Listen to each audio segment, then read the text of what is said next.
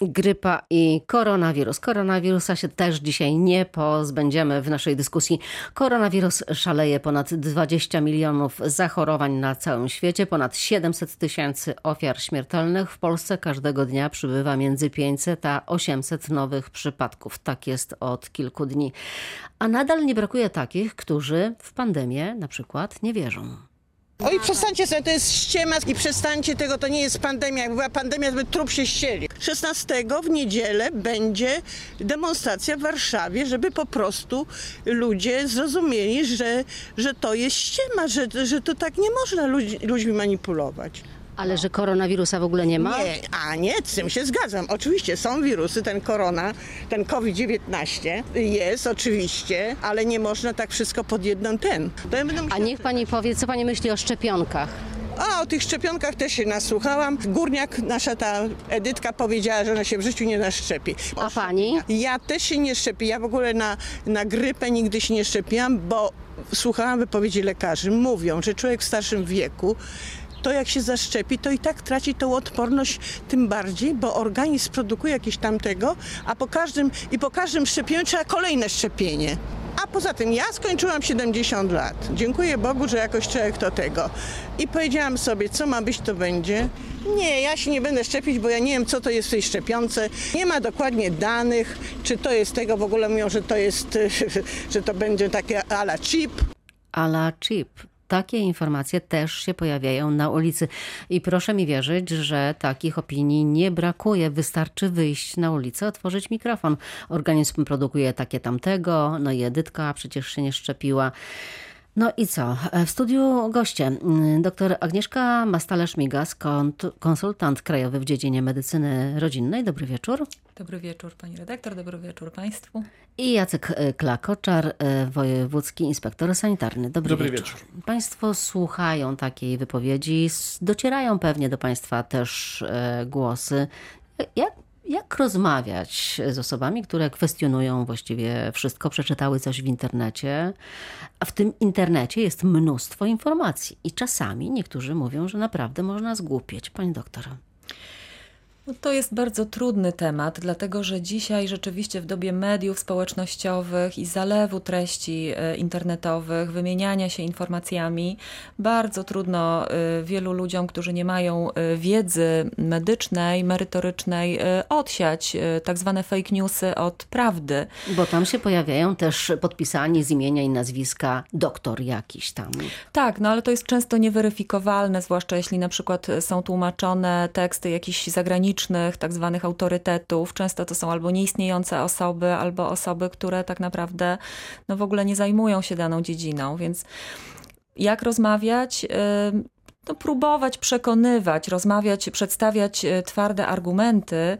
Natomiast e, kiedy widać, że to nie przynosi rezultatu, to czasem trzeba po prostu odpuścić i mieć świadomość, że nie każdego da się przekonać. Są osoby wątpiące, które rzeczywiście mają realne wątpliwości i tutaj można te wątpliwości rozwiać w takiej merytorycznej rozmowie, ale są też osoby, no, których się przekonać nie da. A Senepid to rozwiewa wątpliwości od razu. Znaczy Karą tym- 5 tysięcy, 10 tysięcy, 30 tysięcy. No, no karanie nie jest moją ulubioną, ulubionym Tak zajęciem. pan mówi, panie inspektorze. Natomiast tam w tej krótkiej sądzie parę wątków zostało poruszonych. No bo ktoś kwestionuje pandemię. e, Że to następnie ściema. Takich informacji, takich opinii jest bardzo dużo. Jest bardzo dużo. E, Ktoś kwestionuje zasadność szczepień. No i w tym powołuje się na autorytet z tego, co zrozumiałem, no, no, bardzo dobrej, ale piosenkarki.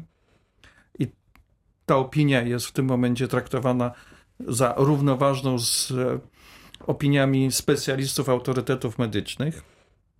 No i trzeci fragment dotyczył no, w zasadzie takich spiskowych teorii y, świata, dziejów, no, że y, ktoś nas tam zaczipuje i po to to jest wszystko robione.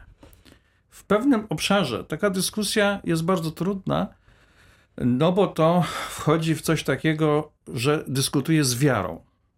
Oni wierzą, ta grupa wierzy, że jest jakaś magiczna grupa, która rządzi tym światem, no i ta magiczna grupa no, chce podporządkować nas, świat, swoim jakimś bliżej niezidentyfikowanym ym, celom. no, z takimi poglądami, przedstawiając jakieś racjonalne poglądy, no, bardzo trudno dyskutować. Ja nawet sądzę, że dyskusja no, jest w tym momencie niemożliwa. Być może ja ten fragment, te, ta wypowiedź, którą przytoczyłam, ona była skrajna, ale naprawdę nieodosobniona. Nie jest to odosobnione, są mi znane takie. Oczywiście opinie. internet jest pełen takich, takich poglądów i takiego nakręcania się, można powiedzieć. Właśnie i też to podważanie tego, co mówią oficjalne komunikaty, Ministerstwo Zdrowia, Światowa Organizacja Zdrowia, też spotykam się z tym wśród ludzi wykształconych i jakby mówiących, a wy, wy tak ślepo wierzycie, a ja przeczytałem gdzieś tam i ja wiem e, lepiej. Więc tutaj jeszcze trudniej właśnie z takimi osobami, które no, jakby powołują się właśnie na różne autorytety. Tak, ja myślę, że w ogóle żyjemy w czasach takiego podważania wszelkich autorytetów i to jest bolączka i medycyny, również innych dziedzin. I tutaj no to jest smutne, ale w dzisiejszych czasach większym autorytetem jest celebrytka niż lekarz w gabinecie i no, był, zdaje się, kilka miesięcy temu na początku, czy w połowie tego okresu, od, od początku pandemii, nie wiem, to był kwiecień albo maj, kiedy była taka ankieta robiona w krajach europejskich, skąd jest wiedza pozyskiwana, prawda? I... W Polsce była robiona ta ankieta też. Też i właśnie Polska była jedynym krajem, gdzie na pierwszym miejscu nie był lekarz, prawda? Więc no to też o czymś świadczy, ale też pokazuje, jak ogromna jest odpowiedzialność e, osób publicznych za słowo, dlatego że to słowo wrzucone gdzieś w przestrzeń publiczną y, przy właśnie tak rozbudowanych mediach społecznościowych zaczyna żyć swoim życiem i ono już nigdy nie ginie i nawet po kilku latach jest wyciągane jako argument, prawda? Więc tutaj to już mieliśmy i z boreliozą, prawda? Takie mm, długi czas była tak, taka moda, powiedziałabym, prawda? Z niedoczynnością tarczycy, to kolejna też taka, no oczywiście choroba, ale powiedziałabym w dużej części też celebrycka choroba. No szczepienia, autyzm przecież to dziesięciolecia, tak? tak Że szczepionki no tutaj, wywołują tak, autyzm. Tutaj ta, ta ten... nieszczęsna publikacja, prawda, też ciągnie się za nami i, i też było to wielokrotnie prostowane i badania były prowadzone, które negowały jednoznacznie ten, ten wynik.